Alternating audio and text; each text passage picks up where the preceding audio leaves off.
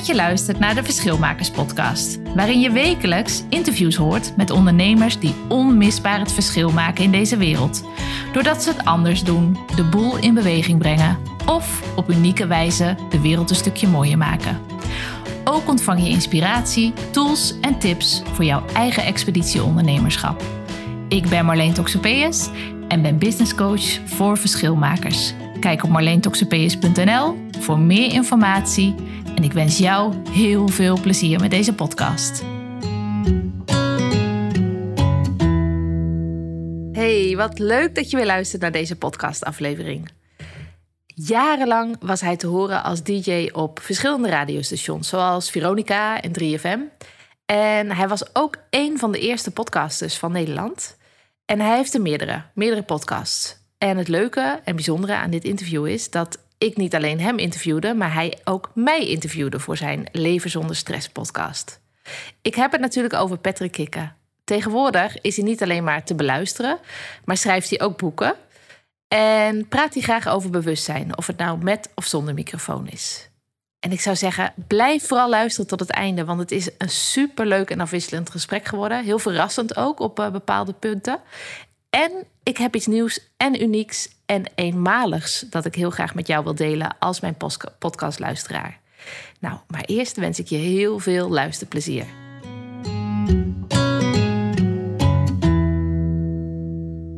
Hey Patrick. Hi. Hi, goedemiddag. We zijn, uh, we zijn bij jou thuis in jouw uh, studio op je zolder. Ja. Leuk om uh, een keer in een echte studio te zijn. Nou, fijn. Het is wel een soort droom van mij om thuis ook in ons kantoor ook zo'n nestje te maken. Ja, waar je meteen kan gaan zitten en hup, opnemen. Ja. ja. Stimuleert het je ook meer om zelf podcast op te nemen zo? Ja, alhoewel ik het eigenlijk zelden in mijn eentje doe. Ik ben toch altijd wel een van de dialoog. Ja. Misschien ook omdat ik bij de radio vaak in mijn eentje maar de kar moest trekken. Dit is natuurlijk veel leuker, spontaner. En ja, kost mij minder energie dan het in, mijn eentje doen. Ja, dat is ook verrassender inderdaad. Kost mij ook meer energie, want ik doe ook afleveringen uh, in mijn eentje. En dat heeft altijd... Ik heb het idee dat ik daar meer aan moet voorbereiden. Ja. Het idee. Maar dat, uh, ja, dat is ook mijn idee. Ja, ja. precies. Patrick, ik heb, uh, nou, jij hebt mij in eerste instantie uitgenodigd voor jouw podcast. En ik mag jou ook gaan interviewen. Dat vind ik hartstikke leuk. Waar kennen mensen jou van? Poeh, ja, maar mensen zouden me kunnen kennen van de podcast dus. Leven zonder stress. Daar is ook een boek van. Ik heb 20 jaar landelijke radio achter de rug. Of nog langer. Ja, 21 jaar. Bij 3FM, Veronica. ik was in de jaren 90 een van de eerste in Nederland met een website met grappige filmpjes en foto's en, en, en audio. Kikker.com. Daar zijn nog vaak mensen die zeggen: Oh ja, dan zat ik op school vroeger in de 90s. Zat ik daar op die filmpjes bij de Kikker.com funny files. Ja, nou ja, dat, daar zouden mensen wel van kunnen kennen. Leuk. En uh, je hebt heel lang bij de radio uh, gewerkt. Hoe lang is het uh, nu je laatste radioprogramma geleden? Ja, ik, ik doe het nog wel, maar dan uh, een beetje op zijn Patrick's. Ik, ik, maak een programma hier bij Wild FM in de buurt. Met allemaal mijn favoriete hip-hop classics. Ah, dat programma stuur ik daarna door naar Curaçao. Daar wordt het later op de avond nog een keer uitgezonden. En dan wordt het op Gran Canaria wordt het ook nog een keer uitgezonden, een week later. Geweldig. Dus ja, ik hou wel van recyclen. Dus ik doe eigenlijk nog feitelijk wel radio, maar nu echt. Het is van hobby naar werk naar hobby gegaan. Nu doe ik het weer als hobby. Daarvoor deed ik het dus uh, tot 2016 als werk. En ja, daarvoor al een beetje als werk en een beetje als hobby. Ah, leuk. Ja. leuk. Nou heb ik de Verschilmakers podcast. Ja. Ben jij, uh, ben jij een verschilmaker, bewust of onbewust? Ik denk het wel. Ik, ik, schrijf bijvoorbeeld nu ook columns over radio. En dat is, dat is iets dat was ongehoord. In de, je weet, in de mediawereld zijn we vooral elkaars vriendje. En, uh, want jij zou wel eens mijn volgende collega of baas kunnen worden. Dus ik ga jou echt niet vertellen wat ik er echt van vind. Nou, ik ben op een gegeven moment dacht ik, nou, ik heb dit huis van spaargeld kunnen kopen. Ik ben een soort financieel onafhankelijk, redelijk. Ik ga gewoon mijn mening geven. Ik ga gewoon columns schrijven wat ik ervan vind. En ja, dat heeft wel behoorlijk verschil gemaakt. Ja, ik hoorde het zelfs de laatste keer bij Talpa Radio. Een half uur lange vergadering is geweest. naar aanleiding van een column die ik geschreven heb. Dus dat vind ik dan toch mooi. Dat het toch zijn doel bereikt. Ja, doet stof opwaaien. Ja, daar ook van. Leuk, leuk. En uh, wat is het als je nu. Um, uh, want je, bent, je, zit hier lekker uh, op de bank. Maar wat, wat is het verschil wat jij echt zou willen maken met je leven? Hoe zou je herinnerd willen worden later? Goeie vraag. Ja, ik, ik hoop toch inderdaad als iemand die geen blad voor de mond neemt.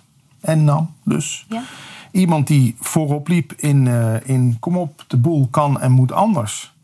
Ik vind dat bij radio dat we eigenlijk al 20, 25 jaar hetzelfde zitten te doen. Plaatje, praatje, telefoongesprekje, nieuwslezer, reclameblok, Grapje. eh, grapje, eh, winnaartje. En terwijl ja, er is van alles te verzinnen waar we het weer anders mee zouden kunnen doen. Dus ja, ik, ik, ik hoop dat mensen me dan. Ik denk dat mensen me nu ook al een beetje als een pionier zien door die dingen die ik net opnoemde. En dus ik hoop dat ik later ook zo wel een beetje. Dat zegt mijn vriendin altijd. Zegt, er komt ooit een moment. Dan gaan ze het allemaal waarderen wat je nu zit te doen. Ja.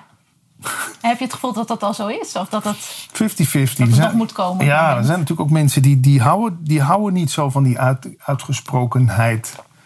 Die denken, wat is dat voor een gek? Of wat is dat, waarom doet hij dat? Die is gefrustreerd dat hij zelf niet meer landelijk op de radio is. Of die, is, eh, die heeft iets uit te vechten met mij. Nee, ik hou gewoon van dat, het dat de boel in beweging blijft. Ja. En is dat... ehm, stel dat jij...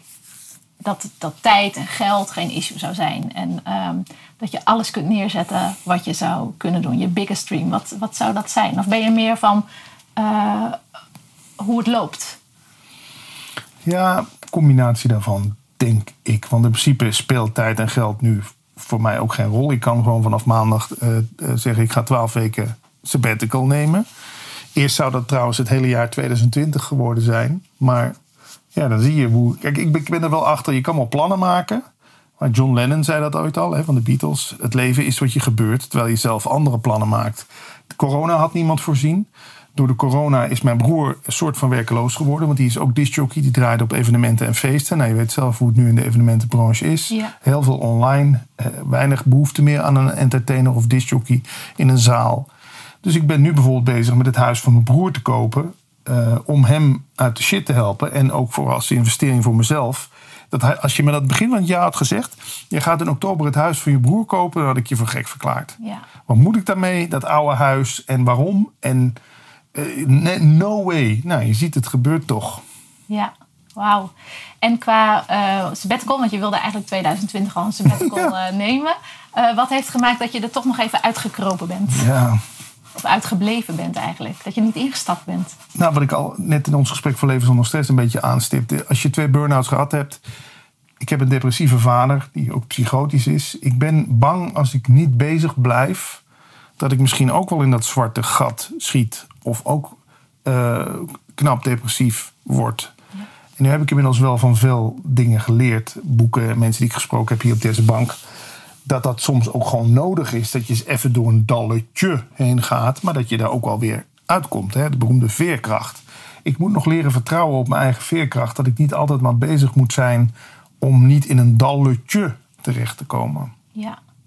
En kan, zou het niet kunnen, het is een soort stelling eigenlijk. Ja. Zou het niet zo kunnen zijn dat als je in beweging moet blijven van, van jezelf, om niet in zo'n dal, dalletje terecht te komen, dat de angst daarvoor bijna groter wordt Ja. dan dat het echt gaat zijn? Ja, dat is het ook. Inmiddels, eh, hoe vaker je dat tegen jezelf zegt, dan wordt het natuurlijk een soort enorm iets. Ja. Terwijl ik was van de week nog een keer een avond eh, voor mijn gevoel niet te genieten. Maar ik heb dat ook maar gewoon eens laten zijn. Ik was, door ik was ergens om teleurgesteld. Ik weet niet eens meer wat het was, maar ik voelde echt... Ken je dat gevoel van enorme teleurstelling? ja, zeker. En waar ik dan vroeger inderdaad gedacht had... niks teleurgesteld voelen. Achter de computer een blog schrijven of een nieuw ding creëren. Ben ik maar gewoon toch op de bank gaan liggen en met mijn vriendin erbij en een beetje zo. Weet je, ik heb het maar gewoon. Ik heb, ben maar gewoon de teleurgestelde gaan uithangen. Ja, het was na anderhalf uur of twee uurtjes was het weg. Wauw. Ja, voor mij best wel een overwinning. Want ik ben zo geleerd, ook door mijn ouders, mijn moeder. Mijn moeder lacht het hele leven ook al alles weg. Weet je, ja. Wat moet je... Het is ook het voorbeeld wat je gehad hebt. Ja. ja. En de mogelijkheden. Je, je- ja, je ziet je eigen studio thuis. Je kan op je telefoon kan je zo mensen bereiken. Afleiding ligt overal op de loer. Hè? Ja. Er is niemand die zegt, ga eens even lekker teleurgesteld zitten zijn. Gaan ze je verleiden met allerlei Ja. eh, positieve quotes, et cetera. Ja, of, of eten, of weet ik wat je allemaal. Geluk, gelukkig hebben we nu die coronatijd. Ik zie die coronatijd ook als een soort bezinningstijd. Want ja, ik denk nou ook op vakantie. Hm, uit eten, maar is me ook te veel gedoe nu. Dus dat geeft al ruimte om teleurgesteld te zijn. Ja. Ja, en je gaat maandag, ga je eh, twaalf weken heb je jezelf gegeven voor Ja. een sabbatical. Ehm, wat, ga je, Doen. wat ga je doen? Ja, dat is een goeie. Of wat ga je juist niet doen? Wat ga je laten, kunnen we beter. Ik ga inderdaad nu dan geen podcast opnemen. Het radioprogramma loopt wel door, maar dat is ook een soort hobby. Daar heb ik gewoon plezier in. Die plaatjes uitzoeken en eh, daarmee bezig zijn. Ja, wat ga ik, eh, ik, vooral wat ga ik laten? Ik ga niet overal ja meer op zeggen. Want je krijgt natuurlijk best wel veel aanvragen, ook voor ding- dingetjes. Dit is ook het gekke. Als je een beetje financieel onafhankelijk bent geworden, dan en geld niet meer zo'n drijfveer hoeft te zijn. Ja, waar is dan de scheidslijn tussen waar je wel ja op zegt, waar je niet ja op zegt? Als, het- als het om geld gaat, zeg je toch vaak toch ja. Hè? Dan denk je, nou, het zijn weer inkomsten. Maar als het om hele andere dingen gaat, als waardeuitwisseling, informatievergaar. Ja, dan is het altijd lastig. Wanneer zeg je nou ja of wanneer zeg je nou nee? Ik heb van, vanmiddag nog ergens nee op gezegd. Iets wat me, wat me te veel gedoe oplevert. Ik was al drie keer gebeld voor een of ander blad. Of ik daar mee wilde werken voor Leven zonder Stress. Kwam ik er later achter dat is zo'n blad ja, waar heel veel advertorials in staan. Hè? Ja, En ze deden zich voor alsof ze van de Elsevier waren. Maar dat waren ze helemaal niet. Ze waren van dat andere blad. Wat als een soort reclamefolder bij de Elsevier zit. En ze bleven maar vragen. En kun je ons nog hiermee helpen en daarmee helpen? Toen dacht ik even van, hé. Hey. nee. Dus ik ga meer nee zeggen. Dat, dat is denk ik wat ik in die sabbatical ook... eh, want dan heb je ook een reden om nee te zeggen. Hè? Ja, sorry, ik zit in een sabbatical. Ja, Ik moet nog leren om nee te zeggen, omdat dat goed is voor mij. Dus nu verzin ik maar iets buiten mezelf. De sabbatical. ja. Als, Alsof dat iets is. Ja, alsof dat als bestaat ook. Maar dan kan ik in ieder geval de sabbatical als reden geven. Dat is nog een stap te ver voor mij om te zeggen: nee, ik wil dat niet. Ja, Nee, de sabbatical wil het niet. ja, ja, ja. ja, ja. My friend is sabbatical. en wat hoop je eruit te halen? Wat hoop je dat het oplevert, je sabbatical? Ja, rust, maar ook nieuwe inzichten. Stukken zoals, laat maar weer wat. Ik, eh, doordat dat met die teleurstelling nu zo was, denk ik over ja, er zal vast nog iets anders in mijn huizen wat gevoeld wil worden. Dat, ma- dat mag ook boosheid zijn of dat mag verdriet zijn. Nu pas kom ik een beetje toe ook aan het verdriet over mijn vader, omdat ik natuurlijk.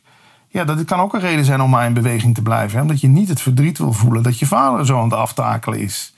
Eh, of, of dat je. Dat je ik, ik, kon, ik kon van liefdesrelaties. kon ik soms drie jaar later. voelde ik pas de pijn van iets. Ken je dat? Ja. Dan hoor je een liedje of je ruikt de geur. of je proeft soep die je altijd met haar at.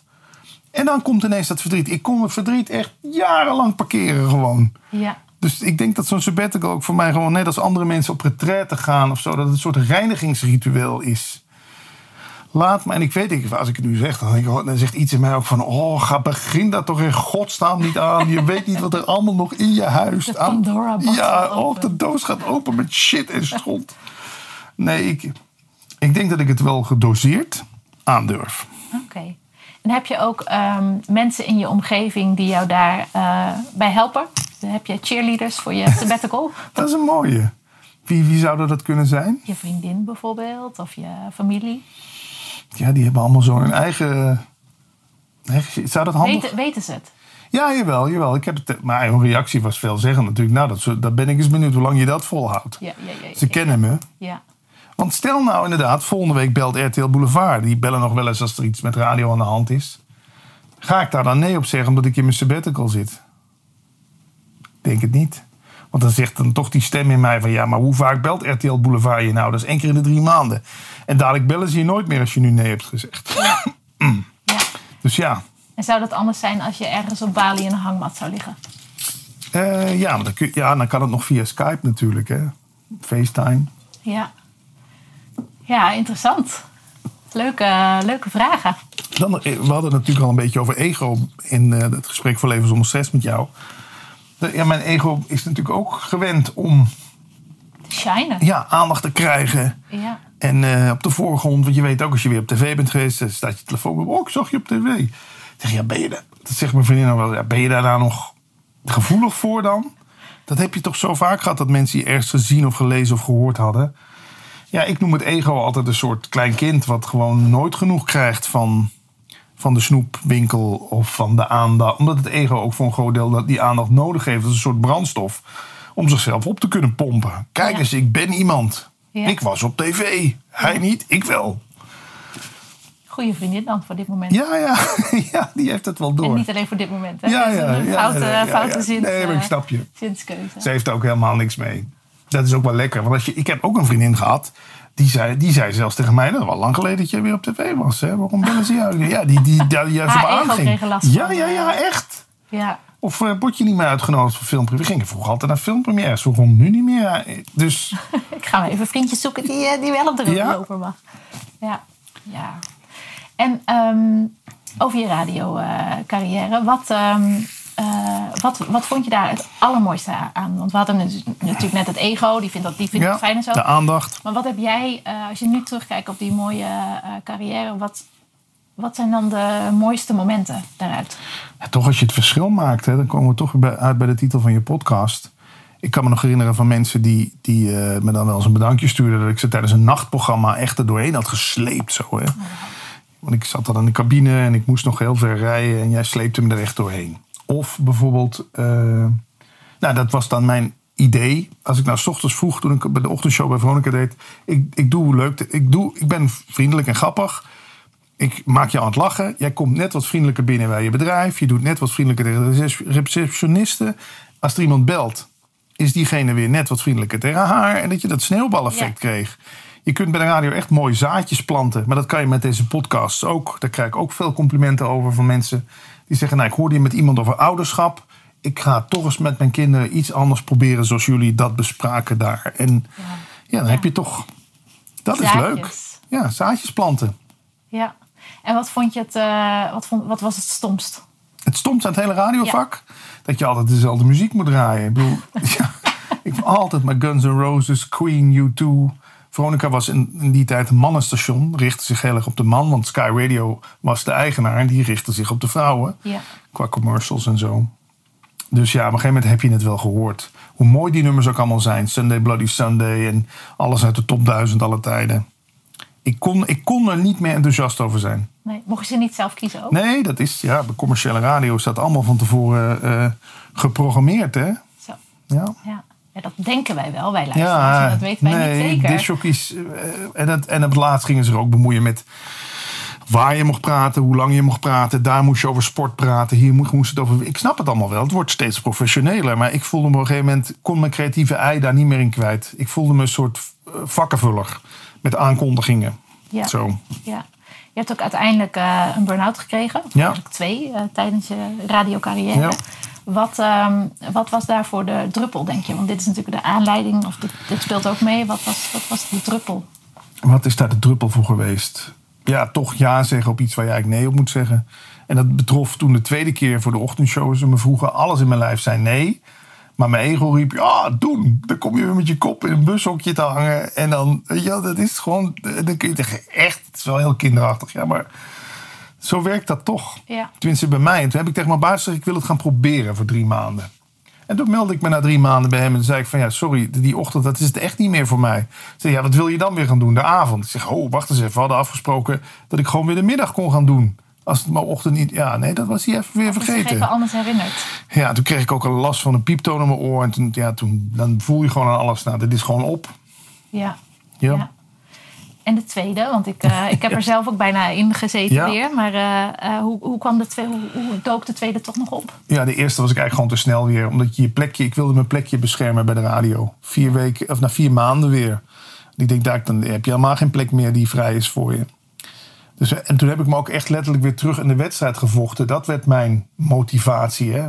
Want je wordt als een soort game. Ja, stervoetballer word je uit de spits gehaald op de reservebank. En toen ging het een jaar daarna vechten, vechten, vechten om weer in de basis te komen en weer in de spits. Nou, dan lukt je dat uiteindelijk. Ja, dan ben je zo moe van het vechten, want het ging er eigenlijk alleen maar om dat weer te bereiken. Maar niet intrinsiek, of hoe je het dan noemt, dat ik het zo graag wilde. Nee, ik wilde laten zien van ik kan het nog. Ja. Ja, ja dat, dat hou je dan op je tandvlees nog negen maanden vol. Dan is echt het, het emmertje leeg. ja. En dat was, je ging toen weer terug naar de ochtendshow. Nee, de middagshow. eh, ge- ja, de middag, maar dat werd was inmiddels vier uur lang in mijn eentje. Ja, terwijl het vroeger was het twee uur met producer. Toen werd het drie uur met producer. Toen werd het drie uur zonder producer. werd het vier uur zonder. Ja, je weet, de bezuinigingen. Oh, ja, heftig. En op een gegeven moment je kan radio ook alleen maar doen als, je, als het van binnenuit komt. Ik zei ook van, het, het kwam niet meer vanzelf. Het, het, het stroomde niet meer. Nee. Dus dan, kun dan is mijn advies ook kapper mee. Want als het niet meer vanzelf komt, natuurlijk moet je er moeite voor doen. Maar het moet niet voelen alsof het je iedere dag moeite kost of zo Nee. om het te doen. En hoe merkte je dat tijdens de, tijdens de uitzendingen zelf? Dat het je moeite kostte? Ik was heel erg bang dat er nog iets zou gebeuren. Want je moet natuurlijk inspelen op actualiteit. Ja. Als Willem-Alexander, eh, onze koning, zijn been breekt... moet je dan je draaiboek overhoop gooien. Het gaat nu daarover. Ja. Dus ik was altijd maar bang. Ik denk, oh, als er maar niks gebeurt. Want ik had alles al voorbereid voor de dag daarna. Ik zat als een soort toeschouwer bij mijn eigen radioprogramma. Ik had het zo goed voorbereid... dat er ook geen ruimte meer voor spontaniteit was. Nee. Ik was echt aan het afvinken. Ik zat aan een half uur van tevoren zat ik al met mijn jas aan. Dat is ook geen goede goed Met je jas aan. Toen was er nog geen camera Nee, er waren er eh, nog. in de en ik smeekte die jonge namen van alsjeblieft kun je wat eerder in de studio, dan kan ik wat eerder weg. Ja, terwijl vroeger kon je me niet blijer maken dan zo lang mogelijk bij de radio te zijn. Ja. Dus dan weet je eigenlijk genoeg, toch? Ja. En had je dat op dat moment door? Of was dat toen je zeg maar eruit was? Dat je dat, je dat Ik wist het al heel lang. Ik ging echt met hangende pootjes er naartoe. Maar ik dacht ook, ja, dit is zo'n plekje, dat krijg je nooit meer. Probeer het nou maar gewoon. Dat zegt dan ook iedereen om je heen, hè? Ja. Probeer het nou maar gewoon. ja. En je, hebt, eh, je hebt een boek geschreven, Leven zonder stress. Ja. Ehm, hoe eh, had je dat meteen het idee van oké, dat boek moet er komen? Of is dat zo langzamerhand in je leven gerold? Ja, de uitgeverij die zocht contact. Die hadden de podcast gespot. En die zeiden van, daar zit volgens ons wel een boek in. En dan dacht ik van ja, dat, als dat de podcast promoot... dat was mijn eerste idee. De podcast is toch een beetje mijn kindje. En dan laten we dat maar doen. Alleen ja, ik was even vergeten wat voor een proces een boek maken toch ook is. Dat, kijk, dit gesprek, daar gaan we daarna niet helemaal uitschrijven... en redigeren en corrigeren en inkorten. En dit is gewoon het gesprek. En dat vind ik ook zo leuk in die podcast. Maar bij een boek, oh, Ja? een boek is ook nooit af, heb ik het idee. Het kan altijd beter. Je kunt over drie maanden schrijven een heel ander boek. Een ander boek. En dan, eh, jij bent ook perfectionistisch geweest. Of Ja. nog af en toe. Ja, ik heb nu ook. Ik in het boek durfde ik in het begin niet eens open te slaan. Dan zag ik weer ergens. Ik dacht, ah, had net. Maar ik heb de hulp gehad van een ghostwriter. Dat helpt. Ah. Iemand die al vaker boeken geschreven heeft. Die je begeleidt, die je helpt. Die ook een stuk heeft voorgeschreven. Die zei, nou, dan kan dit, zus, dat erbij. Dat iemand die je aan de hand neemt. Dus dat zou ik jou ook als je met je boek bezig bent. Zoek nog iemand die daar ervaring mee heeft. Want ze kennen het allemaal. Ja. Waar je tegenaan loopt. En eh, zo'n ghostwriter, is dat, is, dat iets, ehm, eh, is dat iets wat een uitgever je aanreikt? Ja. Van dit Ja. past bij onze stijl en dit, Ja. dit, dit zien wij voor ons met deze persoon? Doe het maar zo, want anders komt het nooit af. Want ik heb het eerst wel zelf geprobeerd. Vanaf letter 1. Eerst hadden we nog een heel idee met. Kijk, ik dacht, nou, we maken er een alfabet van. Weet je wel? De S van stress, de B van burn-out, Ah, de P van perfectionisme. Dat leek mij een leuke vorm. Ja, Nee, werd toch afgeketst. En dan ben ik ook nog wel iets dat ik denk, nou dan laat het maar. dan hoeft het niet meer. Doe dat boek zelf maar. Dat was toch best een goed idee. Ik vind het nog steeds een goed idee nu ik het zo een beetje bij mezelf. Ja. Misschien moet ik een volgend En boek wel hebt zo. twaalf weken zo meteen. Ja, oh ja, dan kan ik schrijven. Ja. ja. Ik, ik hou ook wel, hoe ongestructureerd ik ook lijk, ik hou wel van structuur. Zeg mij ook van, nou, het moeten tien hoofdstukken worden. En daar moet het over gaan. Maar in het luchtledige schrijven, dan vind ik een column ook zo mooi. Je kiest één stelling, een statement. Nou, dan gaan we op verder borduren. Ja. En we gaan onszelf ook niet tegenspreken in die column. Nee, we hebben nu gezegd het is blauw. En dan gaan we bewijzen dat het blauw is. We gaan argumenteren dat het blauw is. En we gaan niet zeggen, het zou ook wit kunnen zijn. Want dat- Ja. En dan kunnen, het worden niet vijf pagina's, is maar zoveel het is woorden. zoveel Ja. woorden, kop en een staart. En bij een boek, ja, ga maar in het luchtledige een boek schrijven, zeg. Ja, het lijkt me heftig. Is het ook? Proces. Ja. Nou, spannend. En, eh, want twee burn- burn-outs gehad. Een boek schrijven, leven zonder stress. Ja. We hadden het net al eventjes over. Wat voor, wat voor mindfucks komen daar allemaal bij, eh, bij ja, kijken? alles. Tenminste, als jij onder mindfuck verstaat eh, dat, je, dat je de angst voor deadlines kwam weer naar voren. Hè, bij de radio ben je toch heel erg altijd bezig met het mag maar zo lang duren. Het programma, eh, eh, de commercials komen eraan, nu afronden. Op tijd in de studio zijn. Eh, altijd Altijd druk. Ja, deadlines. Dus dat kwam heel erg naar boven bij mij. Nou, dat perfectionisme waar we het net over hadden. Het moeilijk vinden om samen te werken. Ik stelde jou die vragen ook. Ik, ik vind samenwerken lastig. Want iemand anders denkt er wel eens anders over, ja. En ik was bij de radio toch gewend van, nou, ik sta aan het roer. We gaan die kant op. Ondanks dat ik de muziek zelf niet kies, maar qua onderwerpen gaan we die kant op. Ja. Dus dat vond ik allemaal wel lastig, ja. Ja. Hoeveel er verkocht worden, is natuurlijk ook zo'n heel ding. Op een gegeven moment ben ik daar maar gestopt om daarnaar te kijken. Want kijk, dan ben je bij de radio gewend dat er 150, 200.000 mensen naar je luisteren. Ja, je gaat echt geen 150, 200.000 boeken verkopen. Echt niet. Was het maar zo. Ja, was het maar zo'n feest. Maar dat, Ja. En ik, ik heb wel geleerd om dan nu gewoon te zien... al worden er maar 10 verkocht... maar als het op 10 plekken terechtkomt... waar het echt een functie heeft... Ja, dan heb je toch enorme zaadjes geplant. In plaats van duizend mensen die het boek eens een keer doorlezen... oh, leuk voor in de kast. Ja, ja, ja zeker. Dat, eh, je hebt ook mensen die hun eigen boek eh, weggeven bij hun evenement, zodat ze hun eigen oplagen maar kunnen stimuleren. Ja, Over ego gesproken. ja. Ehm, Ja. Even kijken hoor. Ehm, hoe voel je. Als, als iemand jou nu zou vragen: wat doe jij? Wat ben jij? ja. Hoe zou je jezelf omschrijven? Ja, dan kan ik een filosofisch antwoord geven. Ik ben op dit moment natuurlijk de gesprekspartner van Marleen. En dat bedoel ik niet eh, als grap of zo. Maar dat, ik heb wel erg geleerd van de kracht van het nu. Van Eckhart Tolle, is zo'n beroemde spirituele schrijver. Feitelijk ben je gewoon wat er gebeurt. Ik ben nu onderdeel van dit gesprek. Ja. Ik ben nu geen vader. Jij bent nu ook geen moeder. Want die rol wordt door iemand anders ingevuld. Ik, je zou mezelf nu podcaster of geïnterviewde kunnen noemen. En ik merk hoe, hoe meer ik die labels loslaat. En gewoon helemaal nu open kan zijn van wat zich hier wil afspelen. Ja, hoe, hoe beter ik me voel en hoe meer het het gesprek ten goede komt. Ja. Als ik nu nog in mijn hoofd zit met ik ben ook buurman. Dan zou ik bijna de, toch afgeleid zijn. Wat gebeurt er eigenlijk bij de buren? Snap je Ja, een beetje ja, wat ik bedoel? Ja, zeker. Of als ik hier rellig zou zitten als de discjockey van vroeger... dan moest ik natuurlijk de hele tijd dat ophouden van... ja, maar weet je wel wie ik allemaal geïnterviewd heb? En Ja. ik was echt iemand hoor. Ik had een eigen tv-commercial. Weet je, dan ga je... Dan, mooi, en dan doe je jezelf nu af ook. Want Ja. je nu iemand. ik ben, Ja. ik- daarom vind ik dat ook zo mooi. Ik, ben mezelf, ik heb mezelf opnieuw uitgevonden, maar ik probeer mezelf niet in één versie opnieuw uit te vinden. Daarom zei ik ook tegen jou van, joh, is stemactrice niks voor jou? Gewoon omdat ik, ja, hoe leuk is dat? Dat je mag jezelf en je kan jezelf eigenlijk iedere dag opnieuw uitvinden. Ja.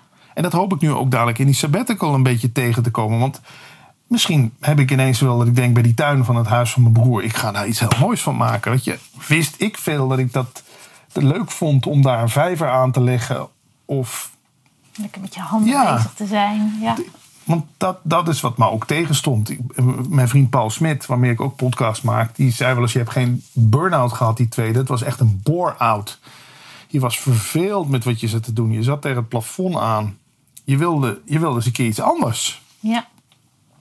En dat voelt ook wel zo. Ik denk ook dat ik wel meer in mijn mars heb dan alleen maar praten. en plaatjes aan elkaar praten. Ja. En je hebt, ehm, want je hebt niet één podcast, toch? Je hebt nog meerdere Ja. podcasts. Hoe, hoe verhouden die zich onderling? Ja, soort, het zijn een soort zijpaadjes. Leven zonder stress, leven met ADHD. Omdat ik ooit die diagnose heb gehad. En Ja. praten over bewustzijn, die doe ik eigenlijk het langst. Samen met Paul Smit. En daarin filosoferen we over eh, van alles en nog wat. Leuk, Ja. leuk. En wat, wat voelt als het meest aanwezig? Of is het gewoon, kan ieder moment een andere zijn? Ja, Leven zonder stress die wordt het best beluisterd. En daar krijg ik ook de meeste reacties op. Praten over bewustzijn doe ik nu al elf jaar. Ja, dat is ook nog wel leuk hoor. Maar dat is eigenlijk een totaal andere vorm. Dat is het gewoon alsof twee vrienden met elkaar op de bank zitten te praten. Oh, gezellig. Ja, heeft ook wel wat. Zo'n podcast wil ik ook nog wel. Ja, En, eh, kun je ook maken. ja. Dat is leuk aan podcastland. Verzin het maar. Je kan het creëren. ja, zeker. En het is zo makkelijk nu. Ehm, je vertelde net van eh, eh, financieel vrij. Zei je Ja. niet, misschien, misschien is de aanname, maar ehm, waar, hoe verdien jij nu geld? Of is het niet nodig? Of hoe maak jij zeg maar, er een bedrijf van? Er Ja. luisteren veel ondernemers Ja. naar de podcast. Nee, ja, qua podcast, daar is geld mee te verdienen. Ik heb een sponsor voor Leven zonder Stress. Dat is een miljonair die zich aandiende. Die zei, ik vind het zo belangrijk dat dat geluid ook te horen is in de media. Zeg maar wat jij nodig hebt om het zichtbaarder te krijgen. En ik, ik sponsor jou, dus dat is fijn. Fantastisch. Je kan voor een model kiezen waarbij je mensen laat betalen om geïnterviewd te worden. Ik heb dat zelf één keer gedaan in, in, in 300 gesprekken. Was best fijn hoor, het voelde niet verkeerd. Maar nou, ik hou meer van. Ik vind juist in podcastland leuk dat er waardeuitwisseling is zonder dat er geld aan te pas komt. Ik kom nu in jouw podcast, jij komt in mijn podcast. En dan kunnen we wel de luisteraantallen naast elkaar gaan leggen. Maar daar gaat het allemaal niet om. Het is een inspirerende middag. Ja, ik loop, als jij dadelijk weggaat, ben ik iets veranderd. Jij bent dadelijk iets veranderd als je weggaat. Dat is ook waarde. Ja. Dit is ook waardeuitwisseling. Ja. Elkaar echt aandacht. Aandacht is toch ook waarde. En we denken natuurlijk altijd in geld. Maar ja, ik zie toch vaak de mensen die een business coach nemen. Bijvoorbeeld Elko de Boer voor een half jaar of een jaar. Wat, hè, wat kost dat misschien wel 10.000 euro of zo. Dan denk je, het gaat toch ook weer om aandacht. Elko geeft jou die aandacht die je zo graag wil. En waar je ook denkt iets aan te hebben. Dus ja, voor mij gaat het daar op de eerste plaats om. De aandacht die je in elkaar investeert. Ja. En dat is dan eigenlijk mijn verdienmodel. Ik verdien met. Ik, en sowieso is aandacht altijd mijn rode draad geweest. Want ik, bij de radio scoorde ik ook heel veel free publicity. Je hebt mijn toilet gezien. Dat is nog maar een kwart van wat ik allemaal heb uitgespookt. Hier hangt ook Michael Jackson straat. Toen Michael Jackson net overleden was, heb ik daar actie voor gevoerd. Alle kranten gehaald. Eh, ooit op Nationale Secretaressendag. eh, het Nederlands kampioenschap typemachine werpen. nou, voorpagina Telegraaf. Dat Geweldig. in geld is dat, weet ik het, kost dat misschien wel 50.000 euro voorpagina ja, Telegraaf. zeker. En nu met een gekke stunt haalde je toch weer de pers. En ieder reclamebureau is weer erbij. Ja, die zweren daarbij. Free publicity. Dus voor mij is aandacht nog belangrijker dan geld. En ik weet dat dat kan klinken als van, nou ja, je dus een... Ik heb mezelf wel ooit dus PAT, Patrick, professioneel aandachtstrekker. maar dan wel in de positieve zin van het woord. Dus niet van, ik, moet, ik zit iedere dag om aandacht verlegen. Nee, ik ben wel erachter dat ja, bijna alles in het leven om aandacht draait. Gewoon, En zou je daar andere mensen ook bij kunnen helpen? Want ik heb jarenlang bij een eh, reclamebureau gezeten. En daar heb je creatieve teams, Ja. et cetera. Heel veel bedrijven die zijn naar voorpagina nieuws eh, op zoek. ja, Ehm, omdat jij zo nou, in de aandachtsconcepten misschien Ja. zit. Zou dat, of of, of heb, je het, heb je het niet nodig om, om een verdienmodel... Kijk, ik ben altijd op zoek naar nieuwe verdienmodellen. Ja, ik snap het. Omdat ik, dat ik nog wat eh, te doen heb. ja. Maar hoe zit dat bij jou? Nee, ja, ik, ik, heb, kijk, ik ben op een gegeven moment wel achtergekomen. Als je gewoon echt heel goed verdient, dat, dat te veel geld. Misschien ben ik zelfs wel een beetje bang van te veel geld nog verdienen. Kan, kan je dit eens bij voorstellen? Ja, zeker. Want dat geeft ook onrust. Zeker nu weer. Ik, dan lees ik gisteren weer.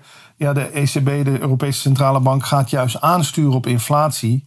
Want dat is beter voor de economie. Ja, maar niet beter voor jou en mijn spaarpotje. Want wij kopen dadelijk voor 2 euro kopen we, kopen we iets wat vroeger maar, ons maar 1 euro kostte. Ja. Zo worden die de prijzen omhoog geduwd. Dus te veel geld hebben heeft mij ook onrust bezorgd. Want ik ben helemaal niet goed in tenminste, ja, beleggen en zo. Dat is me allemaal te. Dus nee, ik, ik weet dat er meer geld uit te halen zou zijn. Maar en ik denk dat ondernemers dat misschien ook wel herkennen. En dat je tegen een soort plafond aanloopt van hoeveel geld je jezelf ook waard vindt, maar ook hoeveel geld je nog kan handelen. Snap Ja. ik bedoel? Ja, Dus heel, ja. heel vaak wordt bij mensen natuurlijk ook met geld het karakter versterkt. Dat kan ook een angst zijn. Ja. Van wat gaat het met Ja. mij doen? En, Ik ben een tijdje koopverslaafd geweest. Bijvoorbeeld in die tijd dat ik nog veel stress had, ging ik dan maar gewoon naar de macro, die groothandel. Dan ging ik met de kar. En dan ging er een printer in en een laptop en weet ik wat allemaal, en tv. En dat stond dan gewoon nog een maand of twee in de doos gewoon op mijn slaapkamer. Dan zet ik mijn glas drinken er maar gewoon zo op. Ik bedoel, waanzin. Je koopt om, om jezelf te verdoven, een soort stress ontladen.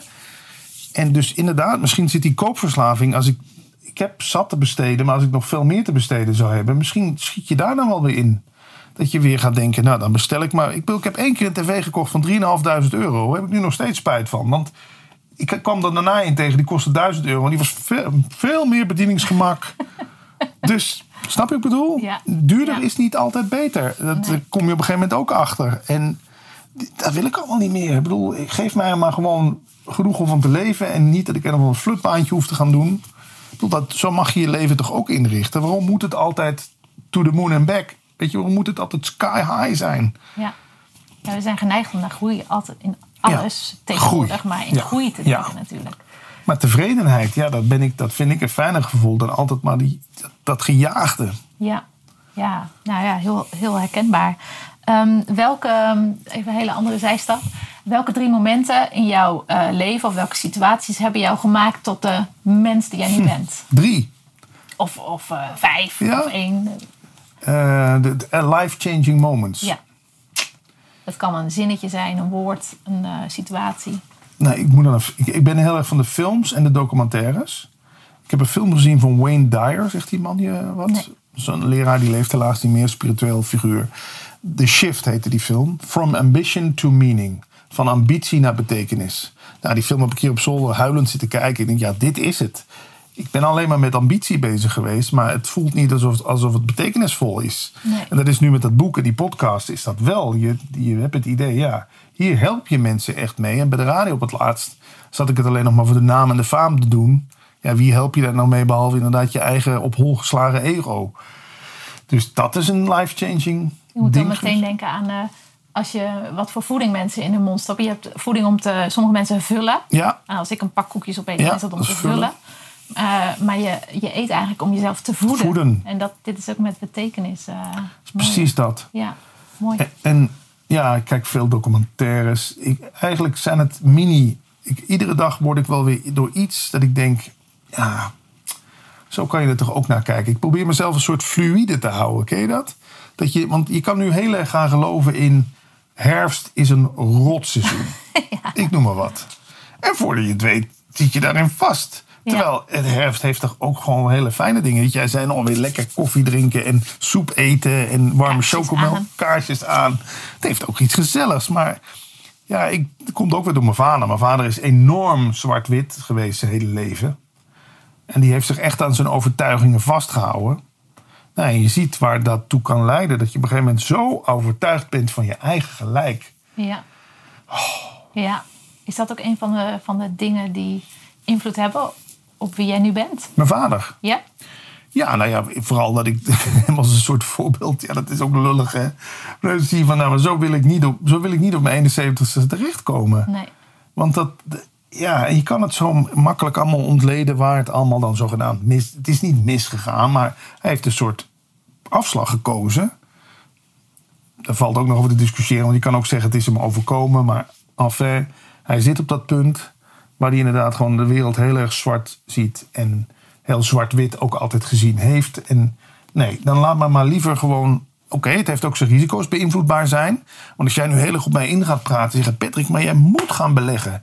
Want jij bent dief van je eigen portemonnee, ik noem maar wat. Hè? Ja. Dan zou je kans kunnen hebben dat ik, toch, dat ik me toch door jou laat overhalen... om eens wat geld in een belegging te stoppen. En dat zou fout af kunnen lopen. Maar daar staat zoveel tegenover dat je dus... Ja, ook op positief. Ik denk toch steeds, de meeste mensen deugen. Zo heet ook een boek, heel dik boek. Dat mensen je ook posit- voornamelijk positief beïnvloeden. Als je gewoon jezelf een beetje open durft te stellen. Ja, intentie, altijd positieve intentie Ja. achter ieder gedrag. Ja, mooi. Ik heb een, ehm, een vraag. Ik had eh, luisteraars gevraagd of ze, Oh ja. of ze vragen voor jou hebben. Instagrammers. Er Instagrammers en eh, LinkedIn'ers. Ehm, en ook eh, de helft kende je ongeveer en de helft, eh, de helft Oh, niet. goed. Dat was hartstikke, eh, hartstikke leuk. En een van de vragen is: ehm, hoe denk jij dat wij met z'n allen het verschil kunnen maken op de wereld? Oh, een goed idee- een goede vraag. Ehm, ja, door toch jezelf te zijn. En geen schaamte en schroom te hebben. Te komen brengen naar het feestje hier waar je, waar je op aangaat. Ik bedoel, ja, dat is het toch. We laten ons vaak tegenhouden in...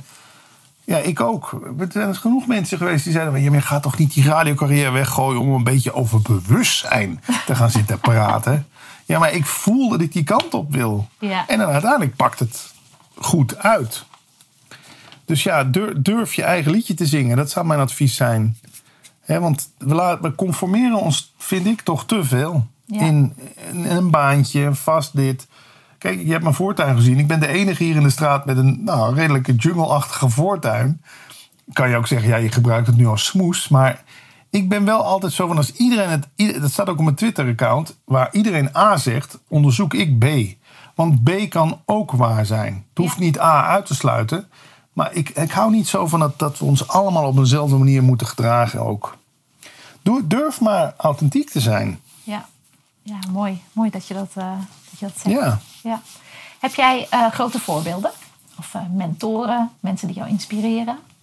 Eckhart Tolle is toch de man waar ik het meeste naar gekeken en geluisterd en, en, eh, en zo heb. Eh, voorbeelden. Wat, Ik- wat haal je er bij Eckhart Tolle uit? Wat, wat, wat geeft hij je mee? ja, hij heeft het toch heel erg over, over het aanwezig zijn. Dat dat eigenlijk al heel wat is. We zijn, het feit dat we er zijn, dat zien we vaak maar over het hoofd. En maar eigenlijk is het toch al best bijzonder dat, dat wij, jij en ik hier nu zitten. Dat- Wat daar allemaal voor nodig is geweest. Aan voeding, aan opvoeding, aan... Ontstaan. aan- ja, ja, überhaupt. Maar dat zien we allemaal over het hoofd. Dat is normaal. Weet je, zo'n lichaam, dat hebben we nou eenmaal. En dat we dat we eten en drinken hebben. is ook allemaal maar nee. Er moet allemaal nog van alles aan toegevoegd worden. Weet je wel? Ik moet iemand worden, ik moet iemand zijn, ik moet van alles bereiken. Hij wijst heel erg op het feit van dat je er bent, is, al, is eigenlijk al genoeg. De rest is allemaal bonus. En dan kan je zeggen, ja, daar word ik misschien heel erg nihilistisch van. Dan laat ik toch ook alles uit mijn handen vallen en denk, nou, ik ga lekker op de bank liggen. Nee, want in ons, merk ik, zit toch een kracht die iets wil bereiken en doen. En die voor een ander het verschil wil maken. Die nu hier het verschil wil maken. En ja, daar heb ik wel van geleerd. Als je gewoon op de eerste plaats inziet, je bent oké, want je bent er al. Ja. En wat je voor de rest nog hebt bij te voegen, dat, dat ontstaat organisch.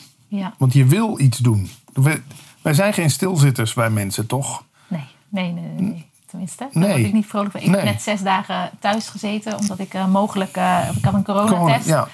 Eh, en dat was, dat was niet aan de hand. Maar ik moest wel zes dagen thuis blijven Wauw. daardoor. En ik ging de dag erna... En daarna was het rot weer.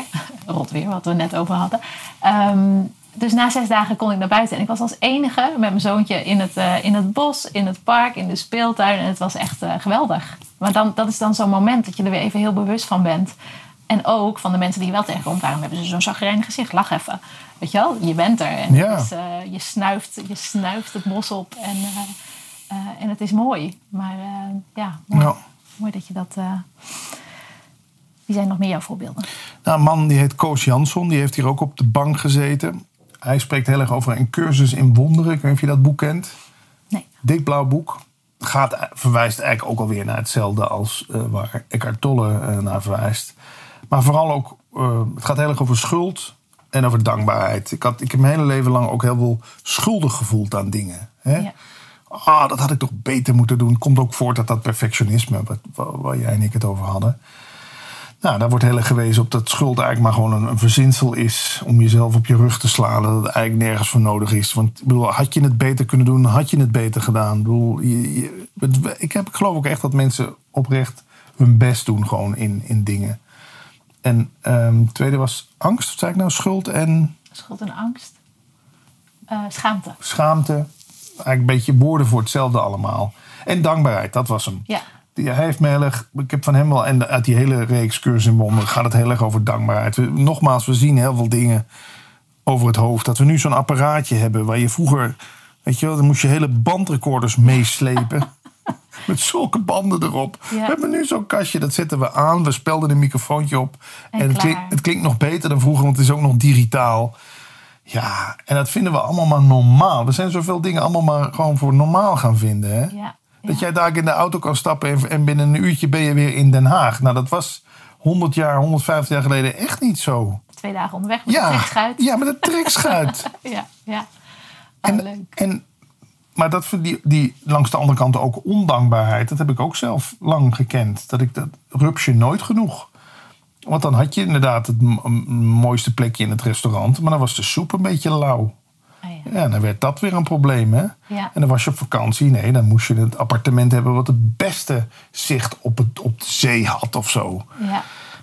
ja, zeker. Ja, zo blijf je bezig. Ben jij iemand die schrijft? Oh, ja, je schrijft columns sowieso, maar eh, met dankbaarheid, dan moet ik meteen denken aan journalen. Ja, kun je lijsten maken. Ik heb het een tijdje geprobeerd. Nee, ik ben meer dankbaarheid uitspreken. Ja. Dus gewoon, ja, nu in dit moment daar dan ook gewoon heel dankbaar voor zijn dat dit, dat dit nu weer gebeurt.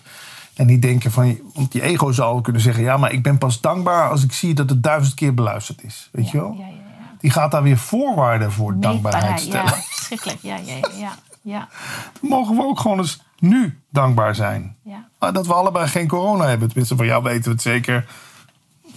Bij mij ja, geen, geen idee. Bij jou ik het volgende week. Ja, nee, het zou kunnen, ik weet het niet. Maar Nee, nou, in ieder geval dat allemaal nog krijgen. nou, dat je je goed voelt. Of weet ik veel. Ja. Dat we... Dat we Ja, in dit land wonen. ach, er is zoveel. De- maar op een gegeven moment word je... dan- Ik merk wel dat ik krijg daar een warm gevoel van. En ik ga me ook... Mijn ego houdt zijn mond dan echt wel de rest van de dag. Want die geeft hem eigenlijk een soort voorbeelden waarom die, waarom die zijn mond moet houden. Dat hij iedere keer maar weer iets te klagen heeft. Hè? Ja. Dat nu de zon had nu moeten schijnen. Dat had hij net iets warmer moeten zijn. Ja. Maar alleen had, had eh, weet ik het, koekjes mee moeten nemen. Weet ik wat je ego allemaal kan ja. verzinnen. Ja, die fles wijn is net niet te lekker, hè? Volgens mij wel. Ja. ik ben benieuwd wat je ervan vindt. Vigna de Fonta, da Fonte. Ja. Ik heb eh, Patrick een fles wijn gegeven net. Dat, dat Ja, je dankjewel. in beeld trouwens. Ehm, heb je een, ehm, een boek of een podcast? Ja, er zijn al een paar eh, voorbij gekomen. Je hebt er al een paar genoemd.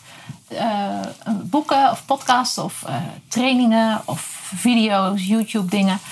die voor iedereen waardevol zou, zouden kunnen zijn. We hebben met de podcastluisteraars van Praten over Bewustzijn een film gemaakt. Die staat gratis op YouTube. Is twee keer bij RTL 4 te zien geweest. één keer bij RTL 8. Die heet Alles over niets. Duurt een uurtje. En daarin wordt het, de filosofie non-dualiteit wordt daar heel erg in, in eh, uitgebeeld. Het is gewoon ook gewoon een leuke film om te kijken. De Engelse film die, we, die daarna gemaakt is, staat inmiddels ook gratis op YouTube. Hoe is Alice? Die vind ik zelf nog leuker. Die duurt ook wat langer. Heeft ook in de bioscoop gedraaid. Dat vond ik ook zo leuk. Dankzij die podcast zijn gewoon mensen bij elkaar gekomen die twee films gemaakt hebben. Hoe, hoe cool is dat? Dat is nog eens verbinden. Dat, als je Ja. dat over verbinden hebt. En het Ja. was nooit de bedoeling. Het is gewoon spontaan ontstaan. Er meldde zich een regisseur. Er meldde zich een visagist. Cameramensen. Acteurs. En dan zie je ook. Ik, ik denk als je het over hebt over belangeloos dingen doen. Ik, ik geloof daar wel heel erg in. Ik ben ook, heb ik jou eigenlijk niet naar gevraagd. Maar ik denk dat. Bij, ik, ik heb van een acteur. eh, Er was een acteur die zat zonder werk. En die heeft op een gegeven moment ja gezegd op een film waar hij niks voor kreeg. Maar daarin kon hij wel zijn talenten weer demonstreren. En daarna is het, weer, balletje weer gaan rollen. Dus ik ben ook wel voorstander van. eh, doe maar gewoon dingen voor niks. Ja. Zet jezelf op de kaart. Laat zien wat deel je talent. Waarom moet er altijd een financiële vergoeding tegenover staan? Dat is zo. Ik vind dat eigenlijk ouderwets gedacht. Nou, en eigenlijk het echte ouderwetse is natuurlijk het... Toen hadden we pas community met, eh, of het nou de kerk was of Ja. het dorp. Of, daar, daar zorgde je voor elkaar. Als iemand ziek was, dan, Ja. dan ging iemand anders brood. Dus Ja. dat, dat, maar dat zijn we helemaal kwijtgeraakt. eh Zonde, hè? heb, ik, heb ik het idee. Dat het, Ja. eh, en dat zie ik bijvoorbeeld in, in Portugal. Zie ik dat veel meer nog in de familie. En in de, hoe, hoe mensen voor elkaar zorgen. En gewoon ook elkaar upliften daarin. Dat, eh, dat is ook heel mooi. Mooi Hoe, voorbeeld. hoe oma vroeger een sjaal zat te breien voor je. Als de winter er weer aankwam. Kan je inderdaad wel zeggen. Ja, dat is ouderwets. We kopen nu toch gewoon een sjaal. Ja, maar reken maar. Die sjaal. Die oma, oma. Dat toch, je voelt dat. Als iemand liefde en zaligheid in iets gestopt heeft. In een gerecht bijvoorbeeld. Als ik, ik kan gewoon proeven als iemand iets met liefde klaargemaakt heeft. Dan is dat, weet niet, misschien is het psychisch, maar er zit iets extra's in of zo. Ja, zeker. Ik moet meteen aan de dekens van mijn jongens denken. Die zijn door mijn schoonmoeder eh, gebreid. Nou, die ga ik nooit wegdoen. Nee. Dat weet ik zeker. Daar zit zoveel liefde, tijd en aandacht en energie. En dan komen we weer bij die aandacht. Ja, dat het alles maar van de band rolt. Ik denk als we van deze interviews, als er nu nog twee mensen al beneden zaten. Die jij of ik gingen interviewen. Ja, dan wordt het lopende bandwerk. En dat had ik bij de radio op het laatst. Ik, kon, ik deed het niet meer uit liefde en zaligheid. Ik deed het als een soort productieproces. Ja. Ik telde ook, ik moet 21 aankondigingen doen vandaag. Nou, hup, hup, hup, afvinken. Vier keer een weerbericht, vier keer met iemand bellen, vier keer zeggen hoe laat het is. Echt zo zat ik het in te vullen. Ja. Ja, nee, dat ging me zo tegenstaan. Is dat misschien ook het verschil tussen wereldkampioen worden en wereldkampioen blijven? Kan. In, in welke tak van sport? Ja, ik, ik hou het even generiek, want ik moet aan Sven Kramer denken. Maar eh, want dat is natuurlijk heel fysiek. Ja. Dan moet je altijd weer een nieuwe prestatie leveren. Dus dat gaat misschien niet helemaal op. Maar ik ben ervan overtuigd dat het, eh, eh, het worden van wereldkampioen is al heel moeilijk. Maar aan de top blijven met alle Ja. mindfucks en alle ups en downs, dat is Ja. veel, veel lastiger. Is het, maar misschien is het ook een natuurlijk proces. Ik heb nu wel plaats gemaakt voor de volgende generatie. En ik zie toch vaak collega's, oud-collega's van mij, zoals Jeroen van Inkel, Rob Stenders, die blijven hun hele leven lang op de radio. En dan hoor ik een bandje van jou 20 jaar geleden en nu. En denk ik, ja, waar is die spark die ik toen bij je hoorde? Ja. Die hoor ik nu niet meer. Ik hoor nu toch een beetje twee vingers in de neus. Dit is wat ik nou eenmaal doe. Ja, ik wou daar toch een beetje voor zijn. Ik hoor bandjes van mij terug bij de Tros op zaterdagmiddag 1998. En dan hoor ik dat en denk ik, ja, zo hoort het te klinken. Alsof, het het, alsof ik het het allerleukste vind op aarde wat er te doen is. ja. En niet dat ik dan maar gewoon een beetje zo Je hoort het ook meteen in je stem ja, natuurlijk. faken. Je kan enthousiasme wel faken, maar het, nee, dat is net als een orgasme faken. Denk, je, mensen voelen het gewoon. Het klopt niet meer. Nee, het geeft ook een rot gevoel daarna, Ja, toch? vies. Ja. Ehm, nog wat andere luisteraars hadden ook vragen gesteld. Oh, leuk, leuk. Ehm, naar aanleiding van je boek, Antje. eh, Ja. Dat is een ehm, eh, eh, oprichter van een bedrijf, werkgever. Ze zegt, hoe signaleer ik stress bij mijn thuiswerkende medewerkers? Ja, dat is een goeie. Ja, ik zou dan toch eens een gesprek inplannen en durven te vragen ernaar. En hoe zitten ze achter hun laptop? Helemaal zo in elkaar gekrompen. Een blik zegt ook al veel, toch? Van mensen. Ja. Open blik. Als iemand vaak wegkijkt, is vaak ook een teken voor stress. Schaamte. Ja, zo. Ik heb, ik heb ook iemand geïnterviewd die heel erg in ehm, body language. Je hebt ook iets wat heet self-soothing. Jezelf troosten. Als iemand de hele tijd zo zit, Ja, ja. ja. zo. Dit is jezelf een eye over de bol geven. Je moet maar eens opletten hoeveel, Ja. hoeveel mensen dat doen. En dan heb je ook nog micro-expressies. Daar ben ik zelf niet zo goed in. Maar je kan soms de pijn bij iemand. Hè? ja. Als je iemand een vraag stelt en je ziet zo de ogen helemaal inknijpen. Dan zie je eigenlijk alweer de- waar de, waar de pijn zit. Ja. We hebben- veel van onze communicatie, ik geloof 55%, is non-verbaal.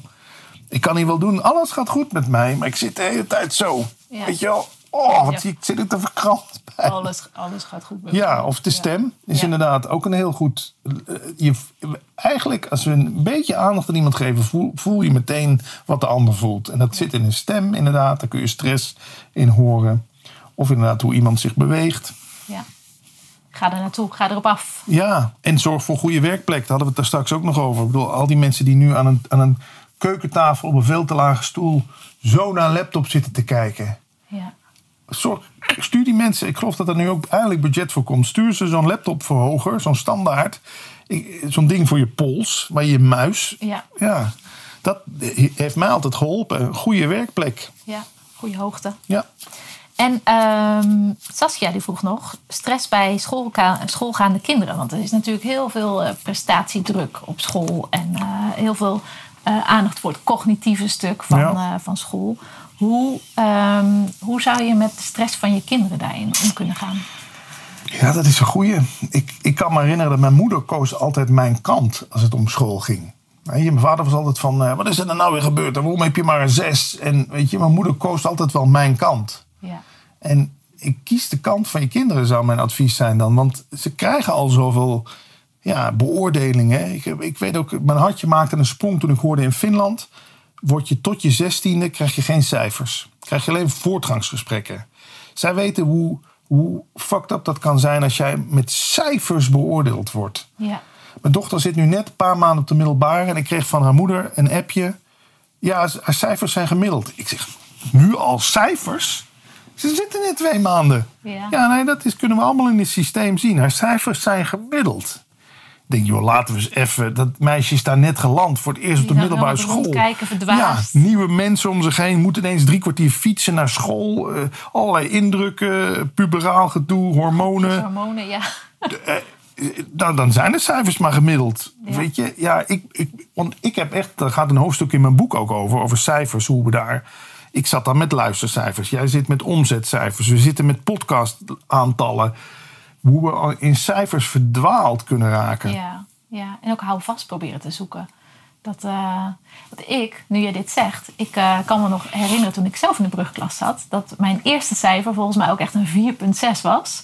Omdat onze geschiedenisleraar in de tweede week al een eh, overhoring deed over alle Griekse en alle Griekse goden. Wow. Alle- maar dat, weet je, je weet nog helemaal niet hoe je moet leren. Nee. Je gaat leren hoe je moet leren. Ja. En zeker niet om te stampen. Dus dat is me nog steeds bijgebleven. Werd uiteindelijk wel toch nog een van mijn favoriete leraren. Ah. Maar die heeft indruk gemaakt, want ik weet het nog steeds zo, eh, zo lang daarna. Ik had Ja. voor Duits altijd een 1. Ik weet ook niet waarom. Het lag me totaal niet. Nee, nee. Maar altijd is overdreven. Maar dan krijg je een 1. Ja, in Duitsland is dat een 10. Dat is dan wel weer ja, positief. ja, dat is mooi. Ja, ja, dat is mooi. En ehm, ja, ik was zelf nog heel erg eh, eh, nieuwsgierig naar de garagebox. Want ik heb je ooit in een filmpje inderdaad voorbij eh, zien komen Badia met het Dennis. verzamelen. Ja, Ehm, is dat iets wat je nog steeds doet? Want nou, wat, wat deed je en hoe ga je daar nu mee om? Nou ja, wat ik je al net vertelde over die koopverslaving, dat moet ook ergens opgeslagen worden. Dus ik huur inderdaad hier een dorpje verderop een garagebox van 95 euro in de maand. En daar ligt inderdaad mijn hele verleden aan koopgedrag.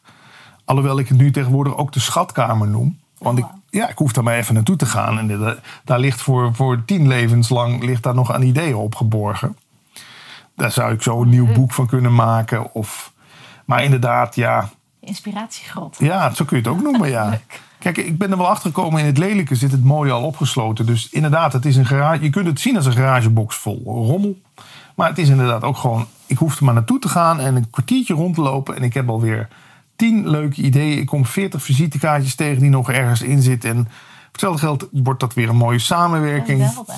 Ja, Wat goed. dus ik, nee, ik laat me ook. Kijk, tuurlijk, mijn vader zou ook zeggen. eh, als hij dat zou zeggen. Jongen, jongen, wat heb je het weer verder laten komen? Wat is dat toch voor een zooi? Ruim dat toch eens op. Maar ja, als het kan, dan kan het, Het toch? kan. Ja, het, ik kan die 95 euro in de maand missen. En ik denk dan ook altijd maar heel eh, filosofisch weer. Dus, eh, daar hebben mensen weer voordeel van die die garagebox verhuren. Die kunnen daar weer eten van kopen. Ja. Het is, toch een, het is toch, ben ik wel achtergekomen, één groot steunsysteem. En dan maar denken dat het allemaal perfect moet zijn en op jou gericht. Is wel iets waar ik achter ben gekomen wat niet het geval is. Mooi steunsysteem. Ja. Laten we daar meer aandacht aan geven. Ja, Ja, Want dat is het. Uiteindelijk denken we met geld dan dat dan de, dat, dat ongeveer de hoogst haalbare waardeuitwisseling is. Maar dat pannetje soep wat die buurvrouw jou kon brengen als jij ziek thuis zit, zit op de bank met twee jonge kinderen en dat je. Ah. Ik kan me nog herinneren, als ik dat nog mocht vertellen. Ik was in Las Vegas met een vriend. We gingen de Grand Canyon op onze slippers doen. Waanzin. Oh, wij hebben alleen van boven gekeken, Oh. vanaf de camper. Heel slim.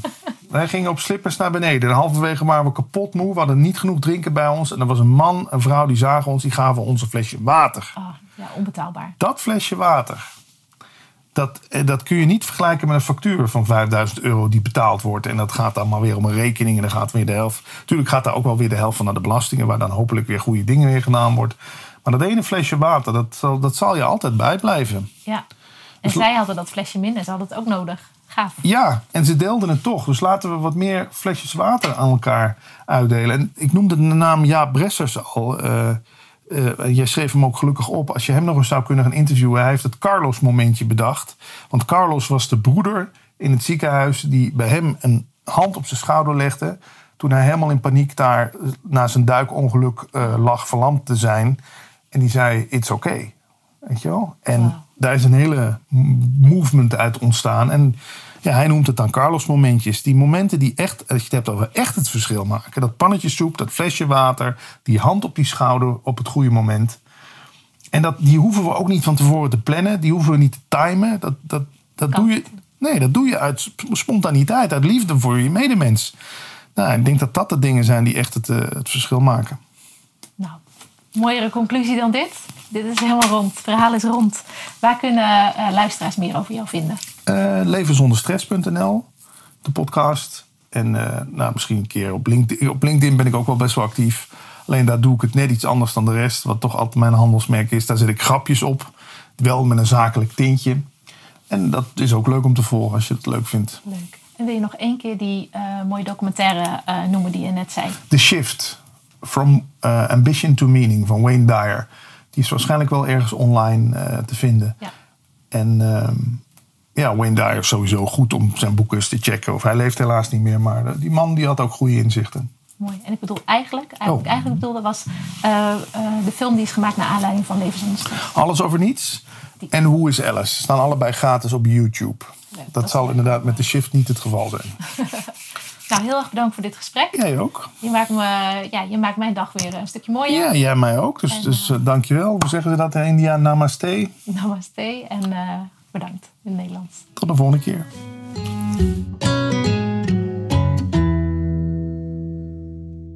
Nou, dat was hem alweer. Wat een mooi en bijzonder gesprek vond ik dit.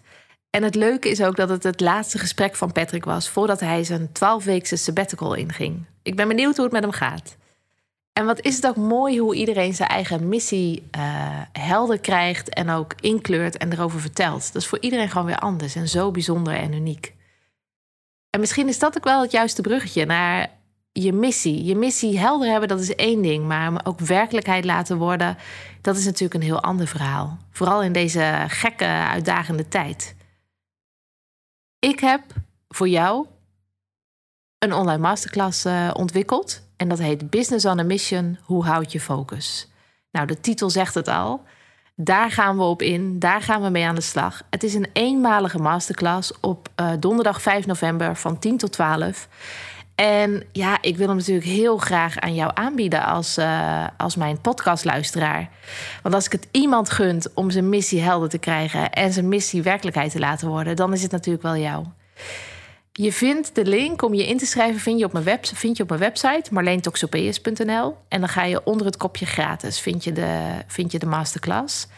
En ja, ken je nog iemand die het ook heel erg kan gebruiken?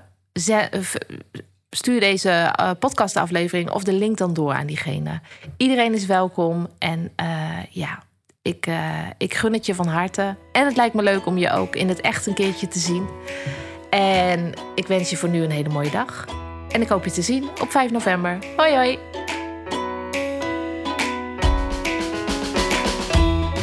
Ben je geïnspireerd geraakt door deze aflevering? Dan zou ik het heel tof vinden als je anderen attendeert op deze podcast.